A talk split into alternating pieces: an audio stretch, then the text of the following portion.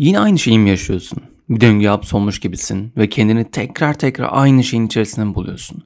Yine benzer bir ilişkidesin. İstemiyorsun ama yine benzer bir kişi çıktı. İstemediğin bir işte kendini hapsolmuş mu hissediyorsun?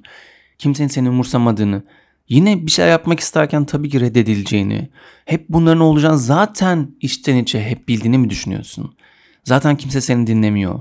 Kötü şans zaten yakanı hiçbir zaman bırakmadı ki iyi bir şeyler olsun. Kendine karşı iç sesin ise oldukça acımasız değil mi? Zaten bunların hepsini önceden söylüyor. Her şey zaten bildiğim bir şey ve bu kısır döngünün içerisinde kendini hapsolmuş, kapana sıkışmış şekilde hissediyorsun.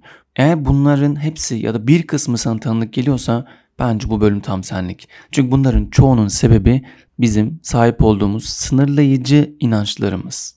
Hadi gelin bunu dair biraz daha derinlemesine dalalım, merakımızın peşinden koşalım. Merak. Peşinden koşulacak şey. Peki merak ediyorum. Bu bilgiyle ne yapacaksın?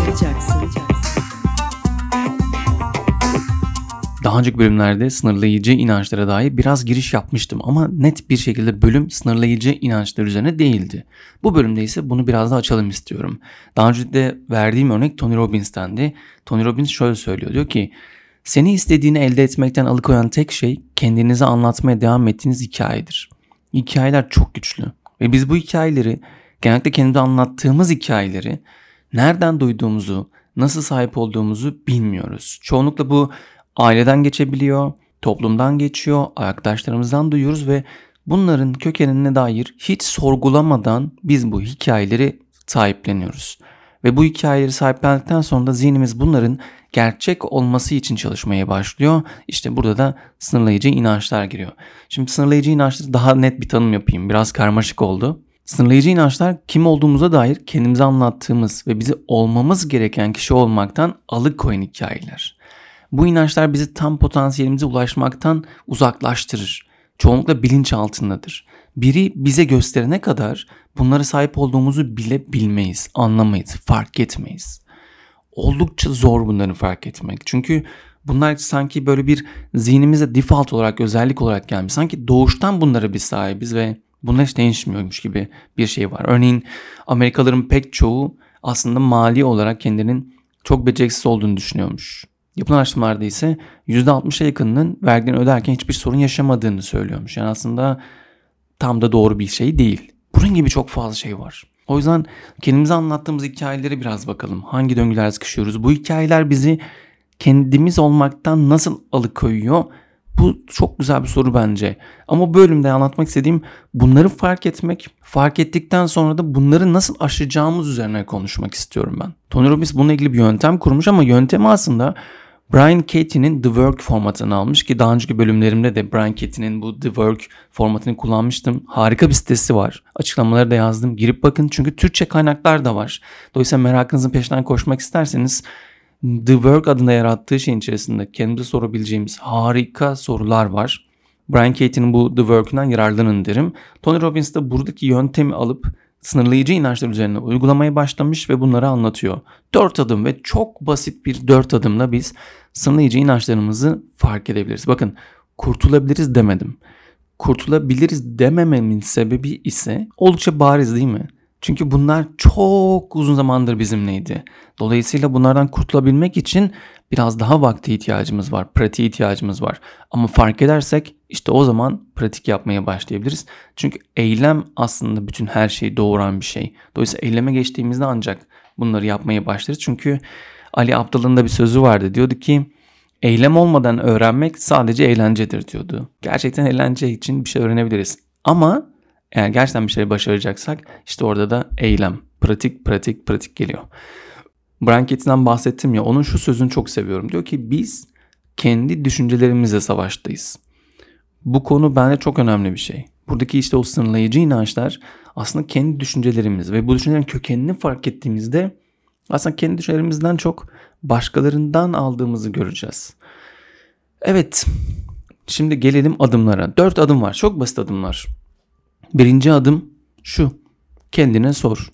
Bu gerçek mi? Yani gerçekten doğru mu? Gerçekten bunu destekleyecek, inkar edilemez kanıtın var mı? Yani bir bak Bu verileri yorumlamanın inanç dışında başka bir yolu olamaz mı? Yani gerçekten %100 doğru mu bu? Yani genelde kendimize şunu söyleyebiliriz. Yani evet ya %100 doğru olmayabilir. Evet işte böyle. Gerçekten de değil. O yüzden bir sınırlayıcı inancımızı fark etmek için bu soruyu soruyoruz.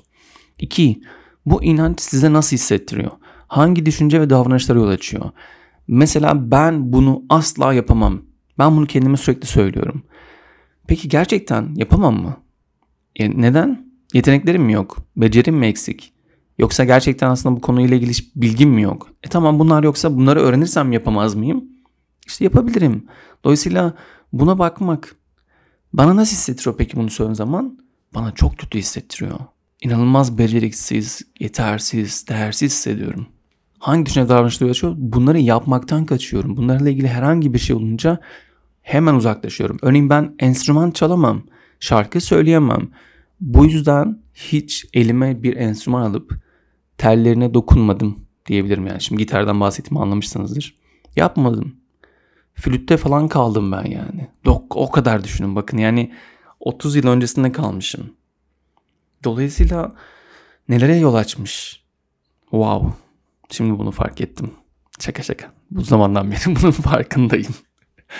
Örneğin başarısızlık korkusu da bizi başarıdan alıkoyan en yaygın bir numaralı korkuymuş.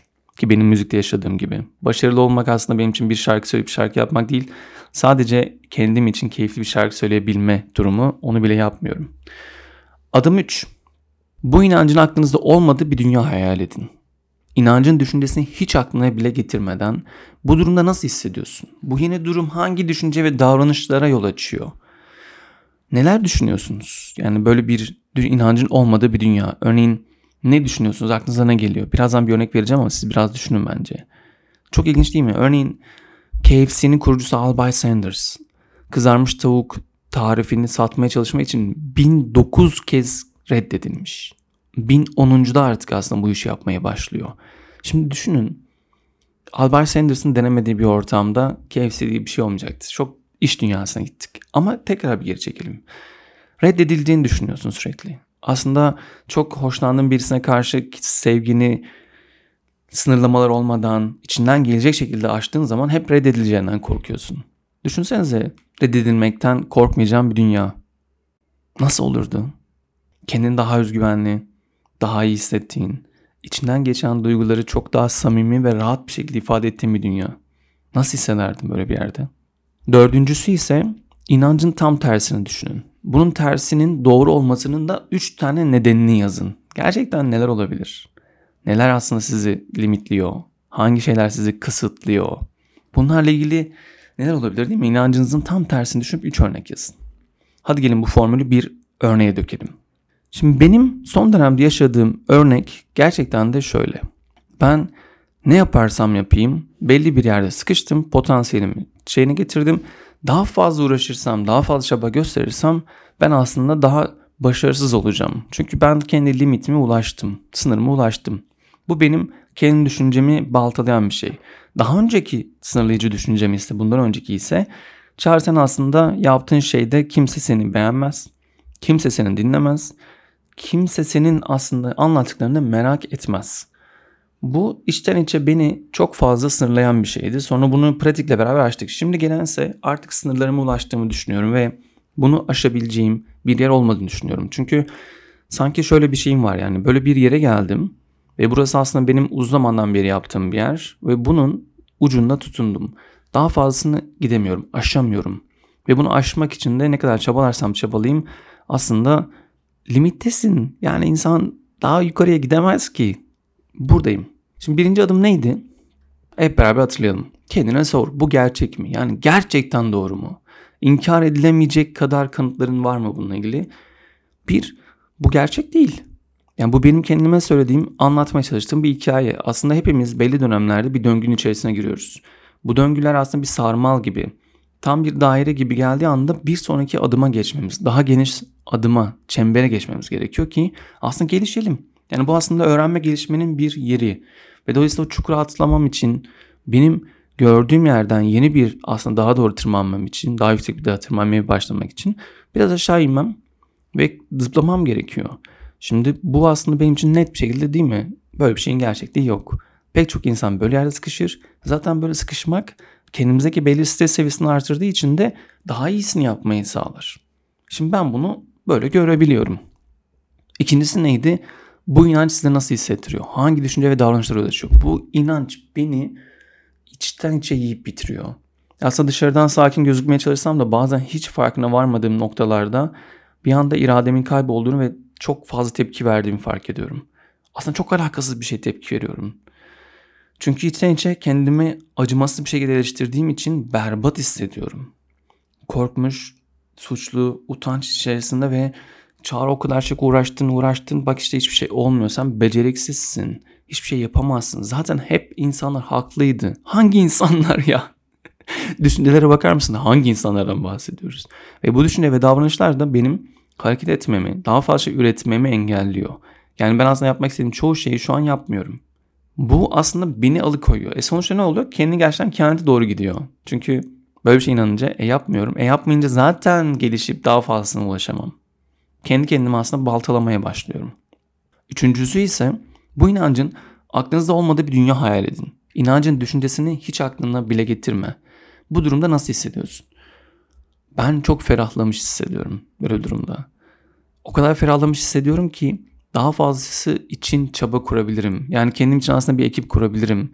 Birlikte bir şey yapabiliriz. Yeni bir topluluk oluşturabiliriz. Ve aslında bunun toplulukla beraber daha büyük etkisini yaratacağımız bir şeye doğru gidebilir bu. Çünkü tek değilim. Niye kendimi yalnız bırakayım ki? Niye kendimi tek bırakıyorum? Aslında birlikte çalışabileceğim, bana destek olabilecek, benim destek olabileceğim insanlar var. Neden bu işbirliklerini arttırmıyorum? Onları yaptığım zaman kendimdeki bazı eksik noktaları aslında onlarla beraber daha yüksek bir şekilde tamamlayabiliriz. Ve bu da yapacağım şeyin katını, etkisini çok daha fazla arttıracaktır değil mi? Ve bu aslında benim yanlış inancım yüzünden daha fazla yapabilecekken aslında daha azına oturmak ve daha azını kabul etmeme sebep oluyor. İnancın tam tersini yani dördüncü adıma geçelim. Dört ne diyordu? İnancın tam tersini düşünün. Bunun tersinin doğru olmasının üç nedenini bulun. Ah inancın tam tersi. Çağırsan istediğin şeyi yaparken gerçekten de çok büyük keyif alıyorsun. Daha fazla insana ulaşacaksın ve her seferinde kendini daha çok geliştirerek daha kendini tanıyan, bilen, daha fazla özgür, rahat ve ilham olmaya çalışan, merakın peşine daha fazla koşan birisi olacaksın. Cümle bile iyi geldi bana şu an. Şimdi sebepler değil mi? Bununla ilgili sebep lazım bize. Gerçekten bunu yapan çok fazla insan var. Bu fikri onaylayan, bu konuda daha önce yapmış, başarmış insanlar var. Ve onlardan ilham alabilirim. Yaptığım işten çok keyif alıyorum ve keyif aldığım işi yapmaya devam etmek de başka insanlara daha iyi hissettiriyor. Kendi kırılganlıklarımı paylaşıyorum ve yalnız olmadığımı fark ediyorum. Meraklı olan, benimle beraber koşan, daha fazla bunu yapan ve yaptığım şeyde saygı gösteren çok fazla insan var. Ve onlar da bunları anlattığımda yapabileceğimi söylüyorlar. Üçüncü şeyim nedenim de yapmak istediğin şeyleri yapmayı başladığında o eyleme geçtiğinde, o pratiğe geçtiğinde de aslında bu hikayelerin işlevlerinin artık kalmadığını fark ediyorum. Ve yeni hikayelere ihtiyacım var. Dolayısıyla ben hikayemi tekrardan kurup diyebilirim ki Çağrı aslında yapmak istediği şeyler konusunda inanılmaz heyecan duyan, bunları sürekli yapabilen, bununla ilgili gerekli fedakarlıklarda bulunan ve sürekli öğrenen birisi ve bununla ilgili de yeni şeyler öğrenebilir. İhtiyacı olan her şeyi yapabilir ve yardım istemeye başlayabilir. Şimdi bunları düşününce harika gelmiyor mu? Yani sınırlayıcı inancıma dair bazı şeyleri çok hızlı bir şekilde değişiyor ve hemen hikayenin de, hemen hikayede öykü de değişmeye başlıyor. Çok iyi değil mi? Dolayısıyla siz de şu an sınırlayıcı inançlarınız neyse onları kenara yazın ve bu dört yöntemin üzerinden geçin. Gerçekten çünkü kendimize anlattığımız öyküler aslında kendi sınırlayıcı inançlarımızı oluşturuyorlar ama bu öyküleri anlatmaya devam etmek zorunda değiliz. Yeni hikayeler yazmak her zaman aslında bizlerin kendi görevimiz. Kendi başrolü olduğumuz bir oyunda yancı rolleri kabul etmek yerine kendi başrol olmaya devam edeceğimiz hikayeleri yazabiliriz. Her zaman her başrolü oynayan da çok mutlu bir hayat yaşamaz değil mi? O yüzden inişlerine çıkışların olduğu, heyecanın daha fazla olduğu bu hayattaki hikayeleri biz yazabiliriz. Kapatırken de şeyi söylemek isterim. Yani tabii ki anlattığım şey çok daha derinlemesine, daha nüanslarını açarak, konulara girerek yapılabilir. Ama çok basit bir şey de yapmak bile çok ferahlatıcı ve iyi hissettiriyor. Çünkü kendime şunu söylüyorum. Ya ben yanılmışım. Gerçekten ilginçmiş. Ama şunu şöyle değiştirebiliyormuşum. Bu şekilde bakmak, o farkına sahip olmak ve bunu değiştirebiliyor olmak bence müthiş bir şey. Çünkü gerçekten bunu fark ettiğimizde aslında hayatta daha da ileri gitmeye başlıyoruz. O yüzden sevgili meraklı insanlar bu bölümü anlattıklarım size nasıl geldi? Neler düşündürdü? Sizin sınırlayıcı inançlarınız nelermiş? Onlara baktığınız zaman nasıl hissediyorsunuz? Onlarla ilgili böyle yorumlar olarak da benimle paylaşırsanız çok çok sevinirim.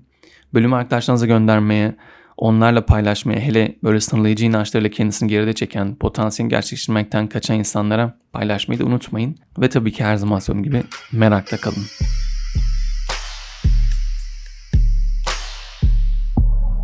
Merak ediyorum. Sen de merak ediyor musun? Neyi merak ediyorsun?